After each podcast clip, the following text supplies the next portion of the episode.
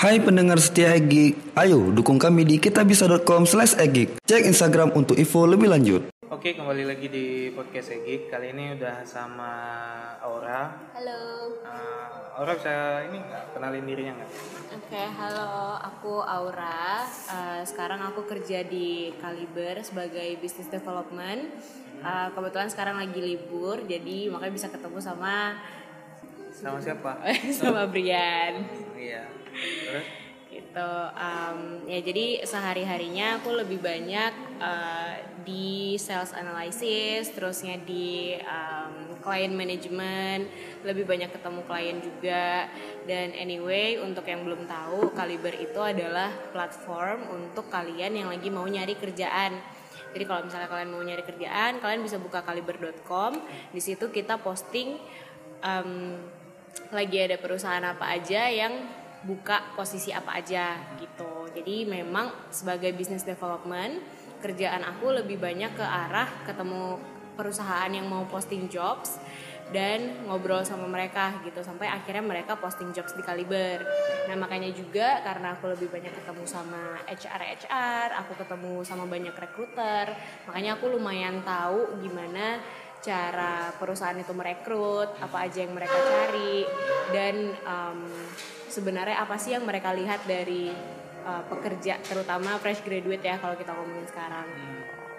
Jadi kalau sebenarnya kalau aku lihat di Aceh nih talentanya kan bukan jelek, nggak jelek, Hmm. bagus. Cuma mungkin untuk mendapatkan apa sebuah lo- lowongan kerja yang tepat tuh mungkin mereka belum tahu cara Mm-mm, untuk mm. eh, apa apa ya cara untuk memilih ya cara untuk Mm-mm. memilih ada saran nggak dari orang Hmm, betul betul. Jadi memang kalau misalnya mungkin karena uh, kalau aku sih bilangnya ini ya doktrin ya. Karena jadi dari doktrin orang tua kita juga yang namanya pekerjaan itu adalah kalau misalnya bisa menjamin hari tua, bisa menjamin nanti-nantinya gitu.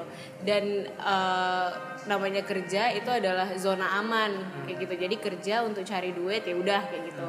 Tapi kalau misalnya aku lihat selama aku di uh, Kaliber, em, tenaga kerja di sana tuh lebih ambisius kayak gitu. Jadi mereka kerja di sana tuh di mana Eh di Jakarta, sorry. Nah, di Pulau kota. Jawa ya, Pulau Jawa eh, lebih tepatnya karena memang Kaliber itu untuk saat ini fokusnya itu di Pulau Jawa, Bali, Sumatera.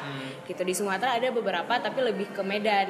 Medan, Padang tuh lumayan banyak. Tapi kalau misalnya di Aceh kayaknya nggak terlalu banyak. Kalaupun ada tuh paling yang kayak Gojek, Pawun, kayak gitu, Hmm, itu Oyo. itu itu nggak dihitung lah karena tuh base nya di Jawa juga betul betul. Jadi yang memang udah ada perusahaannya di sana, terus eh, cari pekerja untuk cabang di Aceh paling kayak gitu.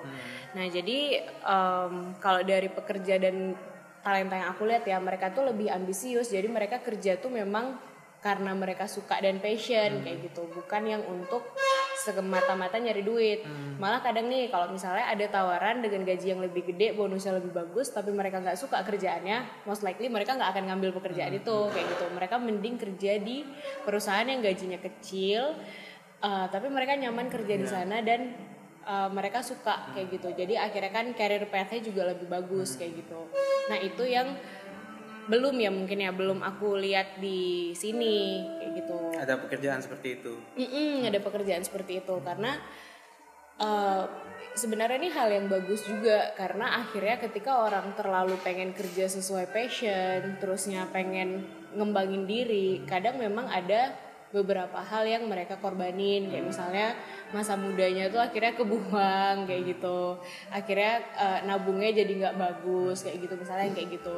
Nah itu ada mungkin juga ajaran orang tua kita kan supaya kita bisa hidup nyaman ya. Lebih ke arah situ sebenarnya. Nah jadi kalau misalnya jelek atau baiknya itu sebenarnya balik lagi ke orangnya. Apakah dia mau kerjaan yang nyaman tapi eh, sebenarnya apa yang dikerjain dia juga nggak tahu dia nggak passionate orangnya. Atau dia mau di eh, tempat yang dia memang passionate di situ tapi nggak bagus-bagus amat. Tapi juga nggak menutup kemungkinan kalau misalnya kita tuh bisa dapat di tempat yang kita passionate di situ. Dan em, hasilnya juga lumayan. Kayak gitu in terms of benefit, in terms of salary itu tuh lumayan kalau di situ. Itu bisa banget kayak gitu. Dan biasanya untuk yang kayak gini hmm, lebih banyak aku lihatnya orang itu berjenjang kayak gitu jadi mulai dari bawah pindah sudah gitu pindah Oh. lagi kayak gitu nah yang nggak aku temuin juga dari eh, apa ya dari pekerja-pekerja di Aceh tuh budaya untuk pindah-pindah ini kayak gitu Start at uh, same place ya. Iya gitu. Jadi memang eh, mungkin juga karena doktrin tadi ya dan budaya yang kita bawa, kita mulai dari bawah sampai ke atas kayak gitu. Jadi kerja di satu perusahaan dari bawah sampai atas kayak gitu pasti kayak gitu. Tapi kalau yang aku lihat di eh, pekerja-pekerja di Pulau Jawa itu lebih banyak ke arah mereka itu kembangin dirinya nggak di tempat yang sama kayak gitu jadi cari ilmu di perusahaan A pindah ke perusahaan B cari ilmu lagi pindah ke perusahaan C cari ilmu lagi sampai akhirnya jadi uh, yang paling atas di satu perusahaan lain misalnya kayak gitu gitu sih Ya itu kan kalau di Jawa tuh udah sering kali, udah, udah, udah bukan udah sering, udah lama uh, hal-hal kayak itu. Kayak dari kalau dulu sebelum ada startup uh, perusahaan teknologi dari Telkomsel pindah ke XL atau sebaliknya atau pindah ke Indosat dan lain-lain. Tapi kenapa mindset itu nggak sampai ke Aceh? What do you think? Eh, mungkin juga jadi em, sebenarnya kan kenapa bisa ada mindset kayak gitu karena banyak Sebenarnya kayaknya kalau kuliah tuh sangat kompetitif karena sangat kompetitif. ah, ah, ah. Nah, jadi kalau yang aku lihat ya, karena juga memang banyak tenaga kerjanya di sana. Jadi mau nggak mau mereka pakai cara yang kayak gitu supaya bisa survive kayak gitu.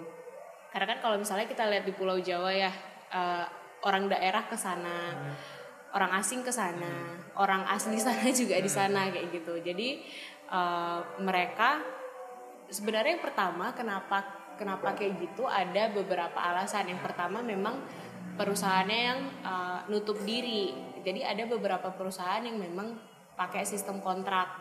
Jadi kontrak berapa tahun nanti pindah kontrak berapa tahun nanti pindah kayak gitu. Jadi mau nggak mau mereka juga harus cari kerjaan lain kalau misalnya kontraknya udah habis. Yang kedua ada memang beberapa uh, perusahaan karena di sana lebih banyak kan perusahaannya jadi networkingnya juga lebih luas. Ketemu sama perusahaan B terus ditawarin kayak Ya. gitu. Nah itu yang akhirnya bikin mereka pindah-pindah juga.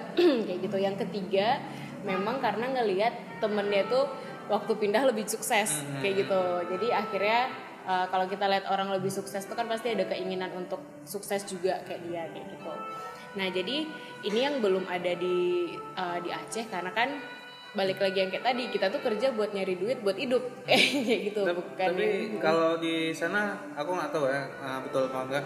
Orang lebih suka di kontrak daripada di apa di tetap menerima tetap. Mm, mm, betul karena aku juga kayak gitu Hmm. itu kenapa karena uh, yang aku alamin begitu aku lulus mindset yang ada di aku adalah aku harus cari aku suka apa supaya aku bisa enjoy kerjanya kayak gitu.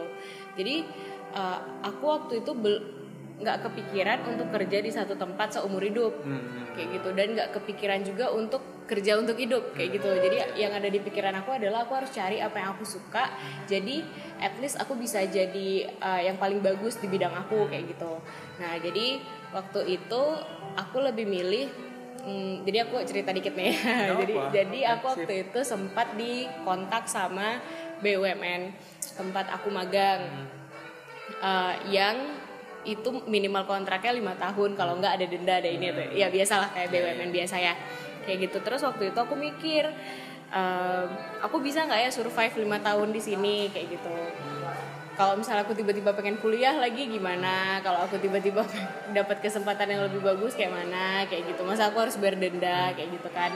Dan emang yang ada di uh, pikiran aku waktu itu kalau aku udah kerja aku nggak nggak mau uh, nebeng lagi sama orang tua istilahnya kayak gitu. Jadi kalau ada apa-apa mah hidup aku aku perlu bayar sesuatu ya kalau bisa jangan minta sama orang tua kayak gitu. Jadi akhirnya aku di kegalauan-kegalauan itu ketemulah aku sama si kantor aku sekarang yang di situ nggak sama sekali nggak ada kontrak aku nggak boleh keluar dalam jangka waktu berapa lama kayak gitu.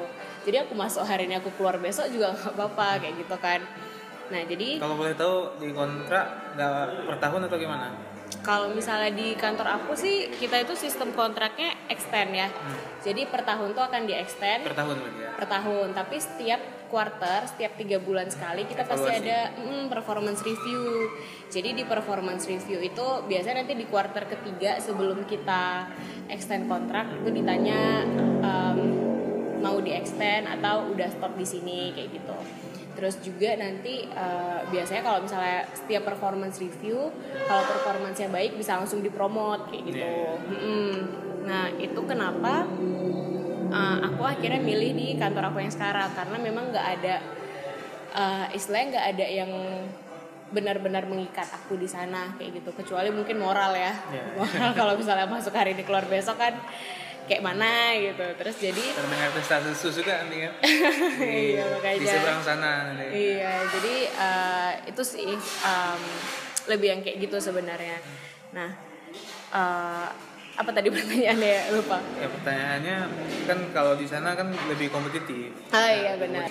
nah, makanya Mm-mm, nah makanya uh, kenapa kalau misalnya di sini yang buat belum bisa kayak gitu adalah yang pertama ya itu tadi emang dari dirinya sendiri lebih nyaman untuk kerja di tempat yang stabil. Dan yang kedua memang kompetisinya nggak seberat itu. Karena pun kalau yang aku lihat ya dari aku nggak tahu ini betul atau enggak tapi kalau yang aku lihat dari kawan-kawan aku dari aku sendiri mungkin kalau misalnya emang mau compete ya kita cabut kayak gitu kita keluar kayak gitu. Jadi eh, ya mungkin itu salah sih sebenarnya karena mungkin memang lebih bagusnya ngembangin daerah sendiri ya. Tapi ya there's no problem eh, eh, sebenarnya. mm-mm, tapi masalah. mm-mm, balik lagi ada beberapa orang yang memang bisa bangun. Kayak gitu memang punya jiwa-jiwa untuk membangun. Jadi yang kayak struggling sendiri dulu segala macam. Kayak bang Brian mungkin. Tapi ada beberapa orang yang nggak punya mental untuk membangun kayak gitu. Jadi mentalnya itu adalah mental em, apa ya membangun yang udah ada kayak gitu. Kayak finishing Iya, iya. kayak gitu. Ada orang yang memang mau bangun dari awal kayak pengusaha-pengusaha misalnya kayak gitu. Tapi ada orang yang memang lebih nyaman kerja aja kayak gitu. Mungkin itu kayak aku. Makanya akhirnya orang-orang kayak gini lebih milih untuk uh, keluar dari sini cari kesempatan yang lebih bagus kayak gitu. Tapi ini karena mungkin ke kuliah di sana ya. Mm-mm. kayaknya yang kuliah-kuliah sini nggak memilih di luar karena homesick juga. Itu penyakit juga Oh iya, iya. Itu eh, ya itu betul sih. Karena dulu waktu aku awal-awal kuliah tuh yang kayak rindu rumah dan eh, Aceh tuh sebenarnya se senyaman itu kayak gitu. Kayak LDR gitu ya Iya LDR juga. Jadi kayak yang ketemu orang itu itu aja, kotanya kecil, nyaman, terus eh, sama semua orang kenal, terus udah kayak gitu, ya nyaman lah ada rumah di sini segala macam. Homesick tuh pasti ada kayak gitu. Dulu waktu aku awal-awal kuliah tuh kayak aku sebulan sekali pulang ada kayaknya. Eh, baru habis itu pulangnya satu semester sekali. Jadi eh, ya itu emang ini sih lebih ke arah. hmm, harus dibiasain juga ya. Iya, sebenarnya lebih ke arah tujuannya apa. Nabi aja hijrah ya Iya, Nabi aja hijrah. Kan hijrah sunnah katanya. Berpindah-pindah gitu. Jadi emang eh, tapi waktu itu sih aku aku tuh lebih eh, punya mindset kalau misalnya kita pindah, kita ketemu orang baru, pasti ada ilmu baru yang bisa diambil kayak gitu. Eh, ya kayak gitu sih. Dan juga dulu memang karena em, didikan keluarga juga kalau misalnya emang uh, mau berkembang ya pindah dulu aja. Apakah nanti balik lagi atau mau menetap di sana itu urusan nanti. Tapi kalau misalnya ada tempat yang lebih bagus untuk nyari ilmu ya mending cari tempat yang lebih bagus kayak gitu. Kalau uh, didikan dari keluarga aku kayak gitu. Itu sih. Sebenarnya eh, apa keluar dari zona nyaman tuh untuk membuka pikiran juga open mind. Mm-mm, supaya kita benar, bisa benar. open minded bisa melihat apa perbedaan orang lain. Bisa melihat budaya orang lain gimana juga bisa menerima. Kalau kita di sini tiba-tiba datang budaya luar di sini karena kita nggak open minded jadi menolak gitu. Seperti betul betul. peristiwa akhir-akhir ini.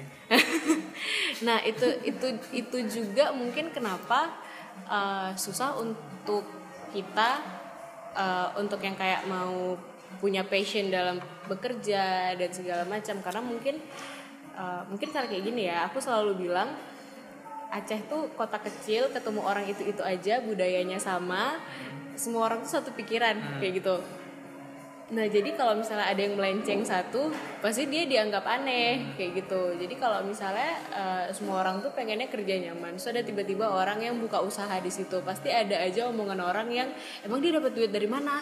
Eh dia tuh modalnya dari mana? Iya. Udah punya untung nggak sih dia tuh kayak gitu? Kayak maksudnya Ini, padahal ini tadi seru kan nih. iya. Uh, Aura tuh bilang nggak sama orang tua bahwa dia mau diterima di BUMN.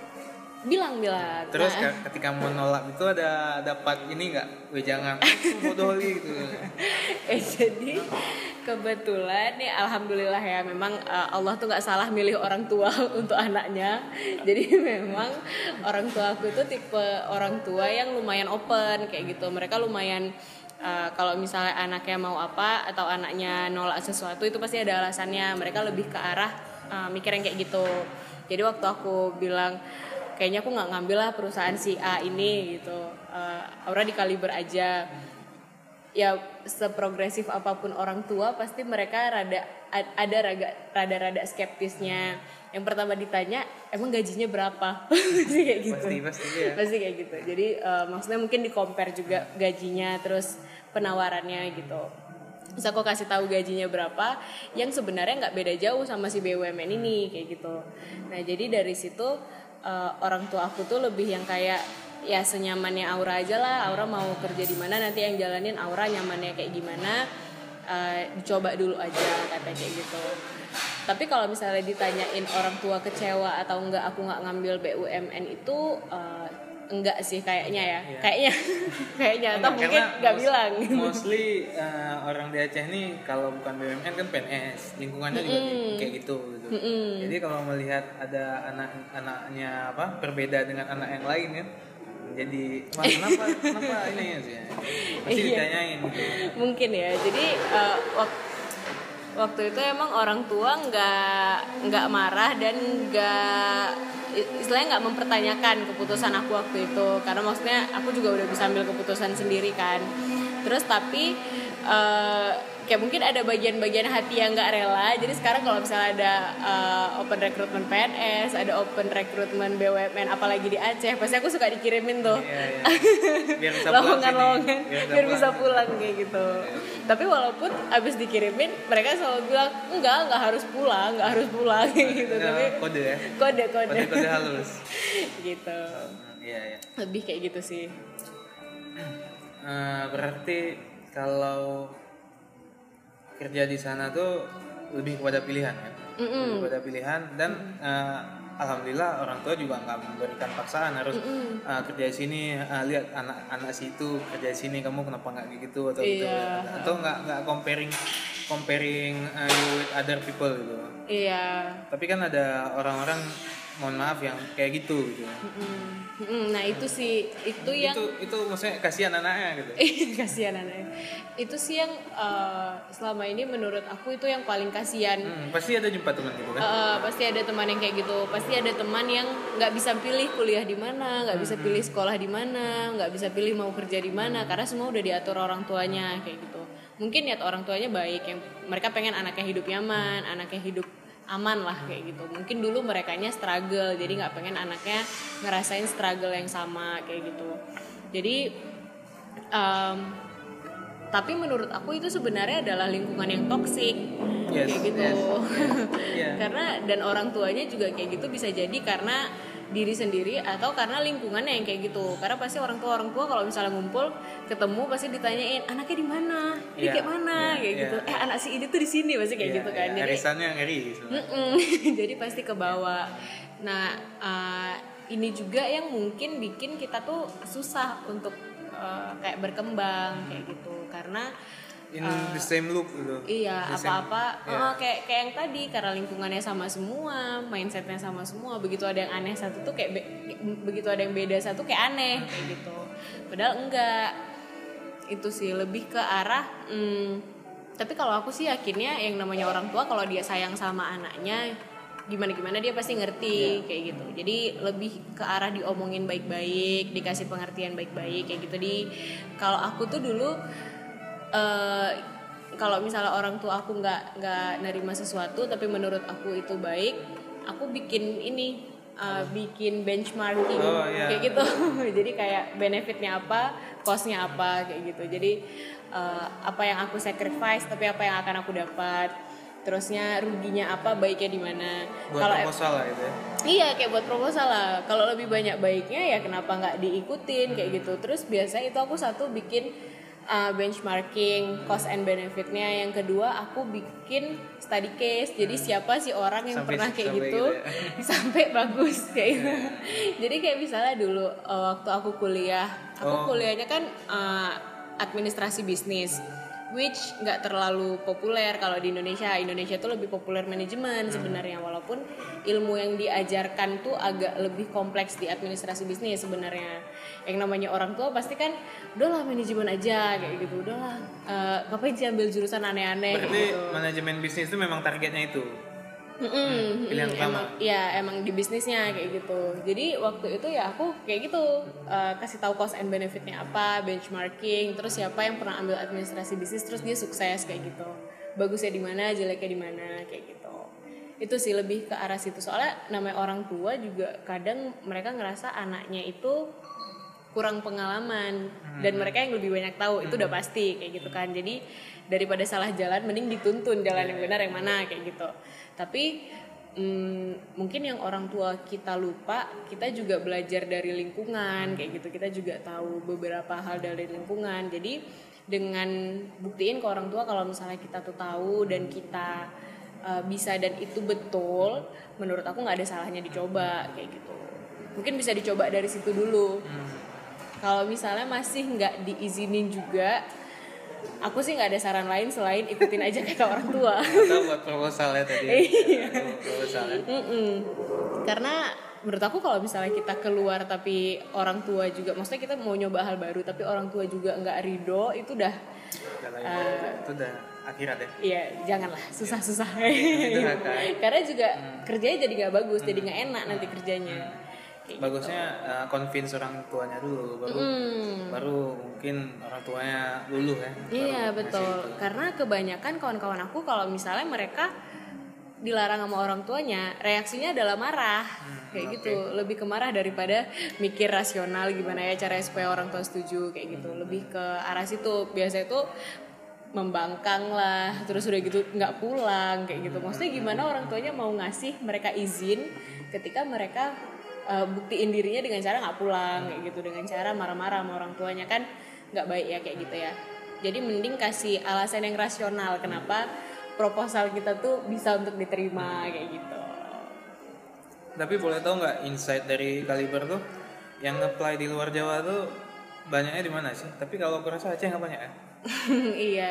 Kalaupun ada itu rata-rata apply untuk posisi di Jakarta. Mhm. kayak gitu. Atau di Pulau Jawa lah Bandung Jogja itu masih banyak. Eh, sebenarnya kalau misalnya di em, di kaliber sendiri itu kita lebih banyak di ini di Medan. Medan maksudnya talent talentnya? Mm-mm, jadi selain Pulau Jawa Bali ya Pulau Jawa Bali lah Bali itu lumayan banyak. Eh, di yang kedua itu di Pulau Sumatera tapi lebih ke Medannya gitu. Kalau Aceh tuh lumayan nggak banyak Kalimantan nggak banyak. Mungkin juga karena fokusnya kan beda ya kalau misalnya eh, Kalimantan kan lebih banyak pabrik. Kayak gitu karena gini kantornya. karena kalau nggak tahu ya karena ini aku di Aceh tapi aku nggak pernah dengar nggak pernah lihat di grup-grup WA ada link kaliber gitu. Ya, grup-grup WA ada link kaliber maksudnya open recruitment sini open recruitment sini. Jadi kayaknya di kaliber eh, talent dari Aceh yang apply itu kayaknya nggak rame ya Mm-mm. Kalau ya kayak kayak gitu tadi, kalaupun ada apply-nya buat posisi di luar Aceh kayak gitu. memang nggak ada di Aceh honestly memang aku aku tahu kayaknya nggak ada nih di Aceh Iya. karena kalau rekrutmen kayak BUMN itu mereka tahu mungkin kayaknya orang di Aceh nggak pakai kaliber juga untuk mungkin apa dari website sendiri kan Mm-mm. Atau biasanya yang sering uh, tapi ada BUMN juga di kaliber nggak salah apa ya ada bank biasanya Bank bank. biasanya. Mm-mm. Jadi biasanya kalau misalnya untuk yang kayak gitu lebih banyak untuk MT. tuh Mm-mm, manajemen trainee. Manajemen trainee, Mm-mm, ya. Tapi kan kalau untuk manajemen trainee itu lebih ke seluruh Indonesia kan, siapa aja bisa apply kayak gitu. Lebih ke situ sih. Gitu. Tapi kalau misalnya untuk yang emang khusus di Aceh penempatannya di Aceh, uh, aku sih jarang ketemu. Kayak gitu. Apalagi perusahaan lokal kayak gitu. hampir nggak ada malah memang nggak ada. Memang nggak ada. Memang nggak ada. Jadi maksudnya perusahaan lokal yang mau kerja sama sama Kaliber itu kayak mungkin orang sering-sering pulang nanti. Mungkin ada perusahaan yang mau ini ya mau pitching sama-sama. Ah, ini kan ini ah, unique case juga orang nih kalau di Aceh itu kan biasa anak perempuan ya nggak dikasih keluar maksudnya. Ah, ah, apa kalau kuliah setelah kuliah pulang aja ke Aceh gitu. Mm. itu uh, karena kalau kuliah di Aceh ini ada misalnya kalau yang perempuan uh, ada isu bahwa perempuan tuh di rumah aja atau apa gitu kan.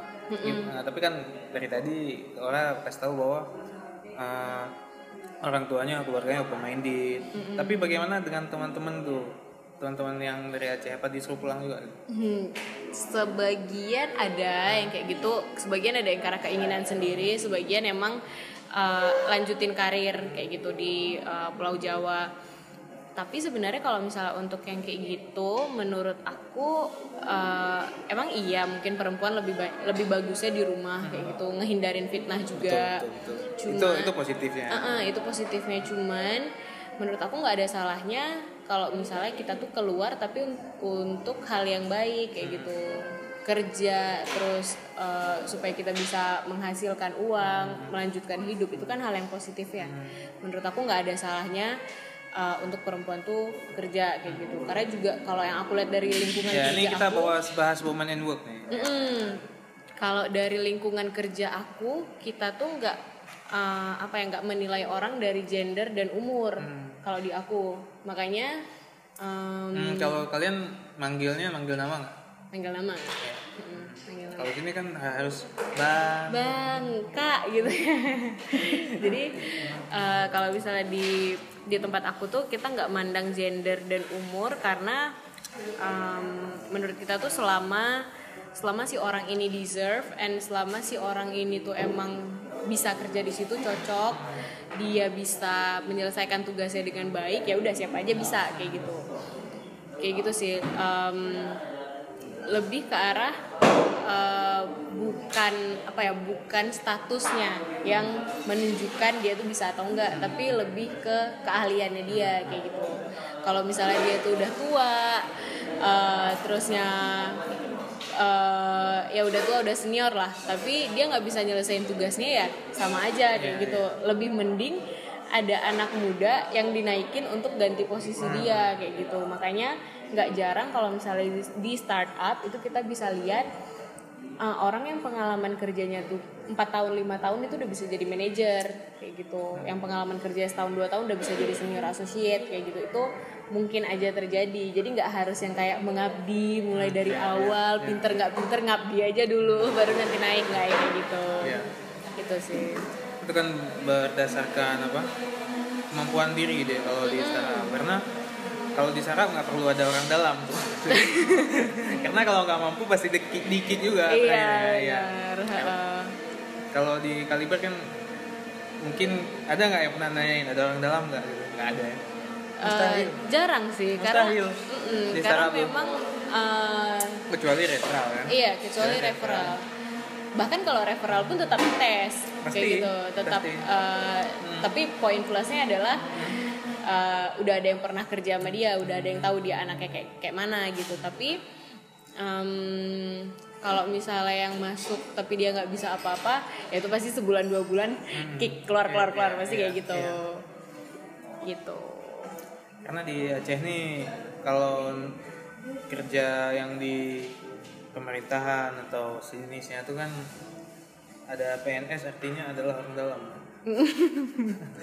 nah itu dia nah itu kan nggak tahu ya aku nggak tahu itu Itu sebenarnya set truth sebenarnya. eh, eh, Set truth karena in, in the end, eh, kita tahu bahwa yang berseragam PNS tuh kasihannya ngop, apa ngopi gitu. mm, aku dengar ya bahwa eh, di negara di Finland dah, bahwa negara tuh jam kerjanya sedikit tapi eh, efektifnya tiga kali lipat gitu. Sedangkan sini jam kerja panjang tapi nggak ada efektif efektif efektifnya gitu. Iya karena oh mungkin itu juga ya yang yang ngebedain em, karena kan kalau misalnya di di perusahaan tradisional atau di eh, instansi misalnya kinerja kita tuh dihitung dari jam kerja bukan dari apa yang kita kerjakan jadi kalau misalnya Objektifnya. Uh-uh. jadi kalau misalnya kita di kantor nggak ngapa-ngapain nonton YouTube tapi 8 jam di kantor itu tetap dianggap kerja makanya kontrolnya itu kan dari dia hadir atau enggak kayak gitu tapi kalau misalnya di perusahaan-perusahaan yang lebih em, lebih chill lah istilahnya lebih ke startup tech kayak gitu. Mereka hitung si pegawainya ini kerja atau enggak dari KPI jadi dari apa yang mereka achieve. Jadi mau dia nggak masuk kantor pun tapi kerjaannya selesai ya itu nggak apa-apa kayak gitu. Nggak perlu absen nggak perlu kerja 8 jam kayak gitu. Yang penting kerjaannya selesai kerjaannya beres. Kalau ditanyain tahu terusnya eh, mungkin karena perusahaannya juga lagi lagi growth-nya lagi bangun eh, selama nggak menghambat pertumbuhannya itu em, kerjaannya udah dianggap beres kayak gitu nggak bakal dapet SP Iya. kayak gitu Enggak, kalau yang eh, yang cara PNS atau cara yang konservatif ini kerja kan sebenarnya gaya kerja pabrik. Mm-mm. Karena mereka harus di tempat, habis itu kan kerjanya jelas, sebenarnya taruh barang misalnya atau pindahin ini atau itu. benar benar Sedangkan kan sekarang udah nggak gitu, nggak kerja pabrik lagi. Sekarang misalnya uh, buat laporan keuangan tuh kan bisa di rumah, bisa di bisa lagi chill di warung kopi Iya, atau apa. benar, gitu. benar. Cuma ya gimana? Masih belum terdistraksi nih sektor eh, apa? Sektor pelayanan publik. Tapi kan kalau di kota-kota di Jawa yang gubernurnya udah atau wali kotanya udah transformatif kan sudah mulai ke arah itu kan. sebagian ya Iya, kalau untuk arah itu pemerintahan kan. kementerian gitu sebagian udah udah kayak gitu Gitu. tapi mm, tapi sebenarnya itu lebih ke ini sih eh, dua mata pisau sebenarnya Hmm, jadi kenapa? tuh eh, good thingsnya adalah kita bisa kerja di mana aja nggak terikat Hmm. yang penting kerjaan beres dan kerjaan kita tuh lebih diapresiasi kan karena yang dilihat bukan kita hadir atau enggak tapi selesai atau enggak Hmm. tapi jeleknya adalah kalau misalnya ada kerjaan banyak numpuk itu ya udah harus diselesaikan di situ Iya. kayak gitu jadi Sabtu pun bisa aja kerja malam pun bisa aja kerja kayak gitu. Jeleknya di situ sebenarnya. Itu tergantung perusahaannya juga sih. Nah, tergantung perusahaannya juga. Eh, milih nge-hire lebih atau ya udah kerjain aja lah sama yang udah ada gitu kan. Iya betul betul. Gitu. Jadi ya at the end aku mau bahas tentang eh, jadi kan kalau dari insight Aura tadi kalau di Kaliber tuh kalau di Aceh ini kurang eh, apa peminatnya untuk bisa ngeplay melalui Kaliber gitu. Mm-mm. Tapi kalau aku lihat potensial di Aceh ini kan nggak jelek-jelek amat lah. Mm-mm. Nggak jelek-jelek bagus malah bagus bagus malah karena eh, kemarin aku sharing sama ya abang ini ada eh, startup lah di Singapura ngerekrut di di pulau bawahnya di Batam katanya eh, Batam bisa-bisa aja cuma attitude-nya nggak nggak bagus itu attitude-nya nggak bagus dari itu ada nggak yang kalau dari Aceh? Karena kalau di Aceh tuh kalau menurut aku attitude-nya muli, lebih mulia. Dari iya betul dari betul ini ya. Iya. Gimana sih melihat apa yang harus apa yang kurang atau ini? Atau mereka sebenarnya nggak tahu aja? Hmm, mungkin kalau ya jadi sebenarnya menurut aku eh, sebagai marketing kaliber nih. Kenapa kaliber nggak ada di Aceh itu kan harus dipikirin ya? Iya iya kalau kan misalnya Aceh pasar yang besar juga. Kalau yang aku lihat sih ya lebih ke arah em, yang pertama orang Aceh tuh attitude-nya bagus luar biasa bagusnya kayak gitu. Mereka tuh pekerja keras terus some of them. Some of them pekerja keras terus yang eh, pinter kayak Yeah. gitu kritis juga. Pokoknya resource-nya bagus aja intinya. Tapi tuh sayangnya em, ketika mereka tahu mereka bagus mereka tuh nggak mau yang struggling di awal pengennya yang pasti. Yep, yep. itu susahnya kayak gitu. Itu mungkin karena mindset juga ya. hmm, benar mindset juga. Pergaulan sih sebenarnya. Iya karena mungkin ya. temen-temennya ini PNS atau apa di bank atau di BUMN mungkin karena lebih pasti. Mm, betul. Makanya kenapa tadi mungkin mungkin nggak cuma kaliber ya job portal yang susah masuk iya. Aceh. mungkin beberapa job portal juga akan susah masuk Aceh. Kenapa? Karena perusahaannya nggak ada yang posting di situ kayak gitu. Iya betul, karena Iya. perusahaan di situ nggak ada posting di situ. Mm, Karena otomatis perusahaan bakal nyari yang domisili di situ juga kan. benar ha-ha. karena kalau misalnya maksudnya mm, kenapa job portal itu lebih banyak kerjanya itu di Pulau Jawa? Karena yang mau posting juga di situ kayak gitu. Yang mau posting itu di Pulau Jawa. Kalaupun ada posisi untuk daerah biasanya mereka udah nggak pakai job portal. Mungkin ini juga yang uh, apa ya yang salah bukan salah apa ya uh, mispersepsi dari si perusahaannya. Karena menurut mereka kalau misalnya daerah itu nggak efektif pakai job portal. Lebih efektif itu kalau misalnya pakai referral langsung atau mereka ke sana walk in interview. Iya, iya. kayak gitu. Buat expo gitu ya. Mm-mm, buat expo, buat job fair itu lebih lebih efektif. Uh, karena yang ada di mindset mereka juga orang-orang daerah itu nggak terlalu tech savvy Betul. gitu kayak gitu. Nah sebenarnya walaupun menurut aku itu nggak kayak gitu sebenarnya maksudnya kita lumayan tech savvy tapi karena begitu kita buka webnya nggak ada yang buat kita ya udah ngapain kita di situ kan kayak gitu. Dan Jadi- link linknya pun nggak masuk ke grup-grup WA gitu. Iya, dan linknya pun nggak masuk kayak gitu. Jadi uh, mungkin mungkin iya kita nggak tahu kayak gitu. Dan itu juga mungkin karena hmm, apa ya ada gap lah istilahnya ya, ada gap antara perusahaannya dengan um, si pencari kerjanya kayak gitu. Si pencari kerjanya berusaha nyari di web nggak ada, akhirnya mereka cabut. Si perusahaannya ngerasa anak-anak kayak gini kok nggak ada di uh, website. Jadi mending kita cabut kayak gitu. Mending walk in interview lebih ke arah situ sih kayak gitu. Itu sih lebih ke situ. Karena kalau aku sih tahu kaliber. Mungkin kalau aku ngomong ya kalau Bojan kasih tahu lah. Tapi kalau aku ngomong ke meja lain mungkin what apa tuh kaliber maksudnya? Apa maksudnya ya apa itu? nggak tahu maksudnya itu portal kerja. Iya. Kalau di sini ya, kalau di sini masalah eh, untuk branding awarenessnya kurang kalau untuk kaliber kalau aku lihat. Mungkin Iya. cuma apa kayak atas nama ada jobnya tuh pasti tahu Iya. ketika di Google karena kaliber kan harus tulis kaliber juga Iya, untuk, betul, untuk bisa dapat di Google. Mm. Karena juga eh, iya sih karena juga kalau misalnya aku ketemu sama saudara-saudara pas lebaran ditanyain kerja di mana tuh udah udah yang pusing tuh Iya rasanya kan kalau misalnya awareness-nya kurang. Iya. Jadi mending gak usah ditanyain kerja di mana, kerja di bagian apa. Apalagi kalau misalnya ditanyain sama orang tua, kerja di mana, business development. Hah, ngapain tuh? Pasti kayak gitu, kayak gitu. Iya Jadi- itu itu itu itu itu menarik tuh karena ya, itu hal yang asing di sini tapi kalau bilang kan udah nggak usah bilang lah eh, datang misalkan pakai baju dinas kan tuh nggak usah ditanyain lagi. Iya, kayak gitu. Iya, lebih ke arah ini sih sebenarnya. Em, ya kayak tadi karena beda jadinya aneh kayak gitu. Aneh. Uh, ada beberapa kawan-kawan aku yang kerjanya tuh di desain grafis, di UI UX um, ya. Iya, UI UX, uh, content creator. Itu mereka bingung tuh kalau misalnya udah pulang ditanyain kerja di bagian apa.